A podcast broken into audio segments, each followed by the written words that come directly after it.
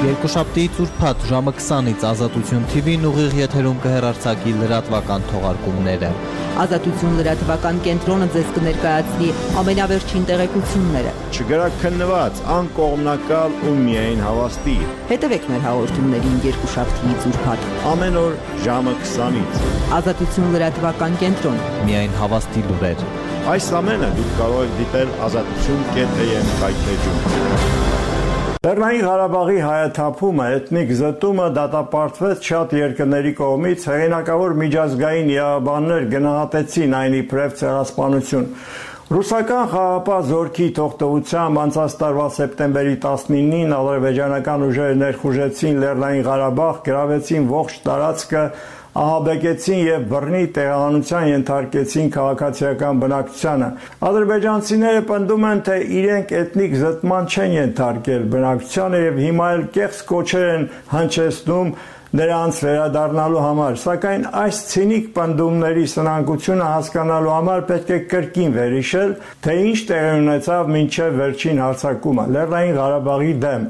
Ադրբեջանցիները 9 ամիս շարունակ շրջափակել էին Լեռնային Ղարաբաղը, փակելով Լաչինի միջանցքը, ընդ որում այս ամենը տեղի էր ունենում ռուսների լուր համաձայնությամբ։ Սպառվում էին սննդի, դեղորայքի, վառելիքի պաշարները, մարդիկ սովահարության անմիջական սպառնալիքի տակ էին հայտնվել։ Նույնիսկ միջազգային Կարմիր խաչը չէր կարողանում մտնել Լեռնային Ղարաբաղ ծանր հիվանդներին Երևան տեղափոխելու համար։ Ադրբեջանցի զինվորները պարբերաբար հարձակումներ էին գործում գյուղացիների վրա, հարձակում եւ տարածքներ էին գրավում, գնդակահարում էին դաշտում աշխատող գյուղացիներին։ Աբեկցությունը թվում էր, թե ամենուր է, մարդիկ ելք չէին տեսնում։ Պատերազմի արդյունքում սպանվեցին հարյուրավոր մարդիկ, ռուս խաղապահները, որոնք ըստ Երակոմ համաձայնագրի պետք է պաշտպանեին քաղաքացիական բնակչությանը, իրենք էին մասնակցում Ղարաբաղցիների զինաթափմանը եւ համոզում մարդկանց փախչել Հայաստան։ Բայց սա բոլորը չէ, պարզվում է ադրբեջանական իշխանությունները կարող էին նաև Լեռնային Ղարաբաղը վերածել զանգվածային կալանավայրի համակենտրոնացման ճամբարի։ Բնակչության շրջանում լուրեր էին տարածվում, թե ադրբեջանցիները հսկա կալանավայր են կառուցում Աղդամ քաղաքի մոտակայքում, որ բոլոր չափանիշներով նմանվում է համակենտրոնացման ճամբարի։ Հետազոտող լրագրողների մի խումբ հետաքննել է եւ արբանյակային լուսանկարման օգնությամբ պատկերներ ձեռք բերել, որոնք կարող են հաստատել այդ ենթադրությունները։ Ընդ որում բնակչության շրջանում տարածվող լուրերը թե ադրբեջանցիները խոշոր կառանավայր են կառուցում, նույնպես վախ էր տարածել առանց այդ էլ ահաբեկված անպաշտպան բնակչության շրջանում։ Այս հետաքննությունը իրականացրած հետազոտողներից մեկը Սիմոն Մաղաքյանն է, Դենվերի համալսարանի պրոֆեսոր, այժմ նայում բացառիկ հյուրն է Դենվերից։ Պարոն Մաղաքյան, շնորհակալություն ձեր ժամանակի համար, այս հետազոտությունն իսկապես ապշեցուցիչ է։ Ես կասեի շոկային տպավորություն է գործում։ Կարող եք մանրամասն պատմել հետաքննության մասին, ինչպես եք բացահայտել այս կառույցի գոյությունը, որ ինչպես դուք եք ներկայացնում բոլոր չափանիշներով կարող է համակենտրոնացման ճամբար լինել։ Խնդրեմ։ Ողջույն, պարոն Թամրազյան, շնորհակալ եմ հրավերի համար։ Հետաքննությունը սկսել ենք սեպտեմբերի 20-ին, երբ Ադրբեջանը հարձակվեց եւ գրավեց Արցախը։ Այդ ժամանակ գոյություն ուներ այդ սարսափը եւ վախը թե ինչ կլինի մոտակա օրերին խաղաղ բնակչության հետ։ Եվ ինչպես շատերը ես եւ իմ գործընկերները լսել էինք այն մասին, որ Աղդամում մեծ կառույց կա, ճոբանտային կառույց եւ հետաքրքիր էր ողջել արդյոք սա իրականության համապատասխանում է թե ոչ։ Եվ արբանյակային լուսանկարների միջոցով գտանք այնպիսի մի հետաքրքիր կառույց մեծ համալիր, որը տարբեր նկատառումներով համապատասխանում է ամենակիչը այն վախերին, որ նման շինարարություն տեղի ունեցել Արցախում եւ հետեւաբար գտանք այն կառույցը, որը այս մեծ բանտի կամ համակենտրոնացման ճամբարի վախերի հիմքում էր։ Եթե իսկապես Ադրբեջանի ղեկավարը մտադրություն է ունեցել հազարավոր մարդկանց կանոնավորել համակենտրոնացման ճամբարում, ապա դա խոսում է այն մասին, որ նա ամենասկզբից էլ մտադիր է եղել իրականացնել էթնիկ զտում, բռնի կերպով տեղանել ղարաբաղցիներին, Այնպես որ սпасել Իլհամ Ալիևից իրական խաղացում կարող է խիստ պատրանքային լինել այս պահին։ Ալիևը իր ներքին լսարանին ուղված ելույթներում անվերջ սпарնացել է հայերին, թե Ղարաբաղում, թե Հայաստանում, Եվ այս հրեշավոր կարելի համարել այս ծրագիրը, եթե դա իսկապես այդպես է, Ադրբեջանը վաղուց էր ծրագրել ուրեմն, կարելի է ենթադրել։ Լեռնային Ղարաբաղը ռազմական ուժով գրավել, բռնի տեղահանել բնակչությանը եւ բնակեցնել Ղարաբաղ ադրբեջանցիները։ Իդեպ նա իր ելույթներում ներքին լսարանի համար հենց այդպես էլ ասում է եւ վերջապես իրականացավ մեր երազանքը, մեր այսինքն ծրագիրը եւ պնդել թե եթե Նիկոլ Փաշինյանը չասեր Ղարաբաղը Հայաստանը եւ վերջ կամ եթե Սերժ Սարգսյանը ընդուներ միջնորդների առաջարկները հանձներ տարածքները ապա կարող էր ուրեմն պատերազմ չլինել կարծում եմ հիմնազուրկ է Եվ ինչ կարող եք ասել այս մասին։ Իշն ասած, մեր հետաքնության շրջանակներում չենք անդրադարձել ներքաղաքական խնդիրներին Հայաստանի հետ կապված, բայց մեծ կոնտեքստով, եթե նայենք եւ դրա մասին իհարկե գրում ենք աշխատ, աշխատության մեջ, իհարկե սա արդեն որերորդ ապացույցն է, որ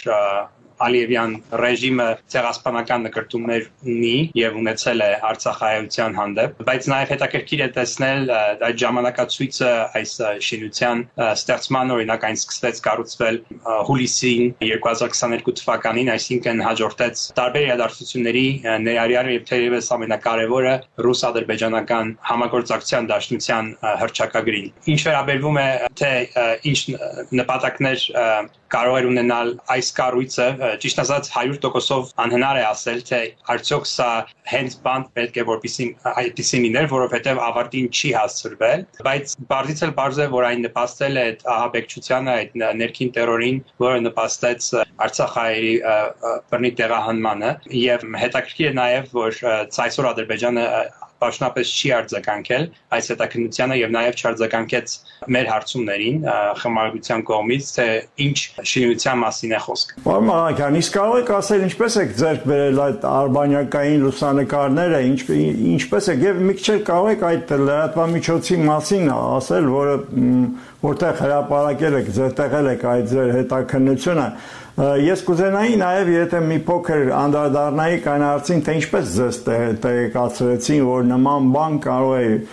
լինի։ Հետաքնությունը տպագրվել է New Lines ամսագրում, որը գտնվում է Ամերիկայի Միացյալ Նահանգներում, բավականին նոր, բայց արդեն մեծ փորձ ունեցող ամսագիր է, շատ պրոֆեսիոնալ խմբագրակազմով եւ նրանք փորձում են աշխարհի ամենահետաքրքիր նյութերը շատ ճշգրիտ մեթոդամանությամբ ներկայացնել լայն հասարակությանը։ Մեր հետազոտող թիմի մեջ են դոկտոր Արտյոմ Տոնոյանը, լրագրող Արցախից բռնի տեղանված լրագրող Սիրանուշ Սարգսյանը եւ արբանյակային քարտեզների հետազոտող Լորի Բերբերյանը եւ ես եւ մենք նաեւ օժանդակություն ենք ստացել հայկական բարեգործական ընդհանուր միությունից, բայց նաեւ այլ հետաքննողներից, ովքեր նաև եւ իհարկե խմբագիրներից, ովքեր այս process-ին ամիսներ շարունակ մասնակցել են Իհարկե մեր աղբյուրը միայն, ինչպես նշեցիք, արբանյակային աղբյուրները չէ, իդեպ արբանյակային լուսանկարները Planet Labs կազմակերպությունից են, որը մասնավոր կազմակերպությունը գտնվում է Ամերիկայի Միացյալ Նահանգներում եւ հետազոտողներին հաճախ տրամադրում է նմանատիպ նյութեր, բայց մենք նաեւ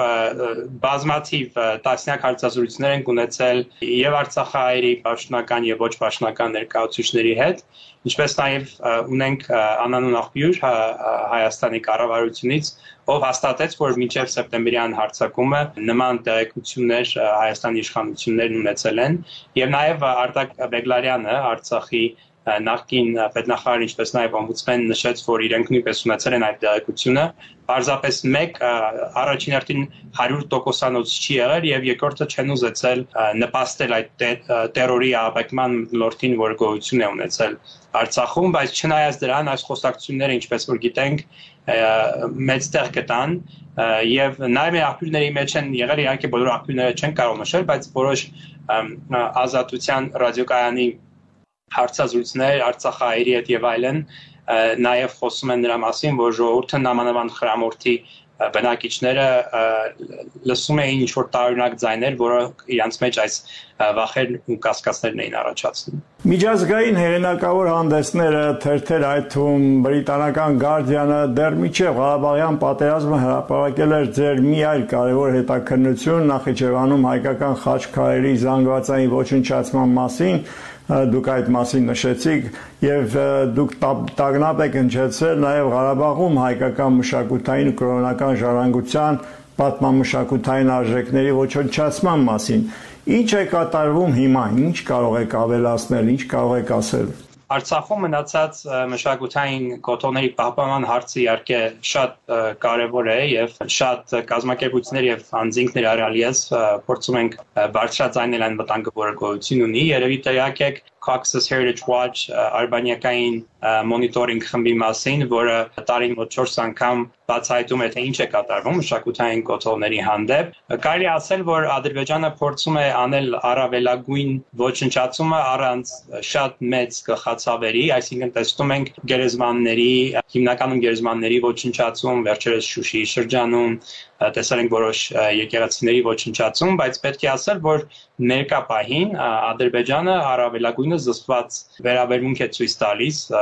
հուշակոթողների վերաբերյալ, որովհետև գոյություն ունի մեկ ուրիշ միջանկյալ որոշում դեկտեմբերի 7-ին 2021 թվականին միջազգային արտադատության դատարանի կողմից։ Իհարկե Ադրբեջանը որոշ չափով խախտել է այդ որոշումը, բայց մեծ հաշվով այսօր ինչ որ զսպվածություն է ցուցաբերում, չնայած ինչպես նշեցի, արդեն բազմաթիվ գերեզմանոցներ եւ այլ կառույցներ ավիրվել են, կարծում եմ շատ կարևոր է, որ այս խնդիրները բարձրաձայնվեն եւ Ադրբեջանի դեմ ճնշումներ լինեն, դրանցից մեկը վերջերս այն էր, որ պետդեպարտամենտը Ամերիկայի Միացյալ Նահանգների Ադրբեջանին հրճակեց որպես կրոնական իրավունքները ոտնահարող ամենամեծ երկրներից մեկը։ Պարոն Մաղաքյան, հիմա եւս մի հարց կապված այդ հետաքննության հետ, ոչ թե Նախիջևանի, այլ այս վերջին հետաքննության հետ, դուք պատրաստվում եք հրապարակել այս հետաքննությունը մեկ այլ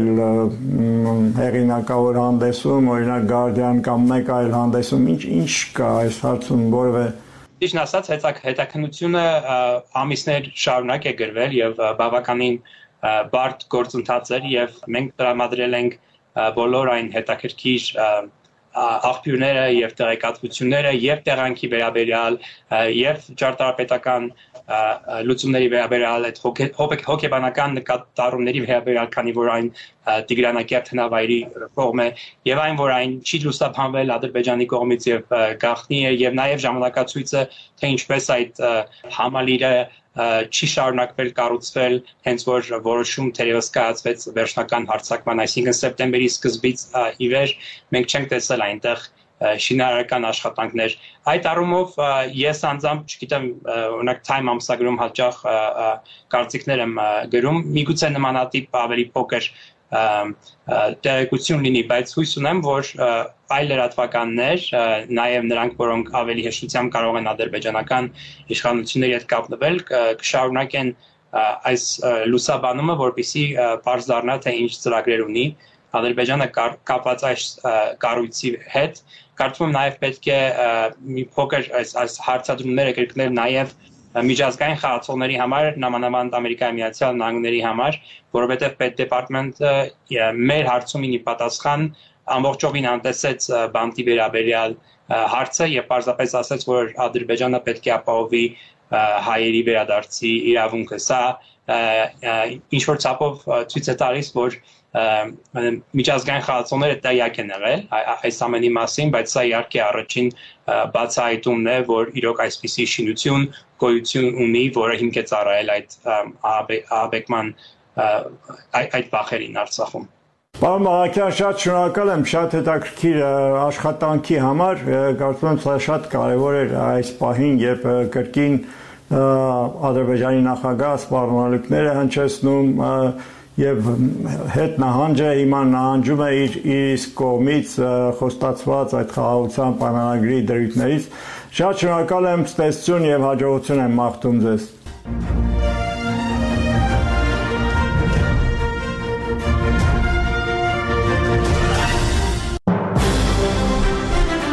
Երկուշաբթիից ուրբաթ ժամը 20-ից Ազատություն TV-ն ուղիղ եթերում կհեռարձակի լրատվական թողարկումները։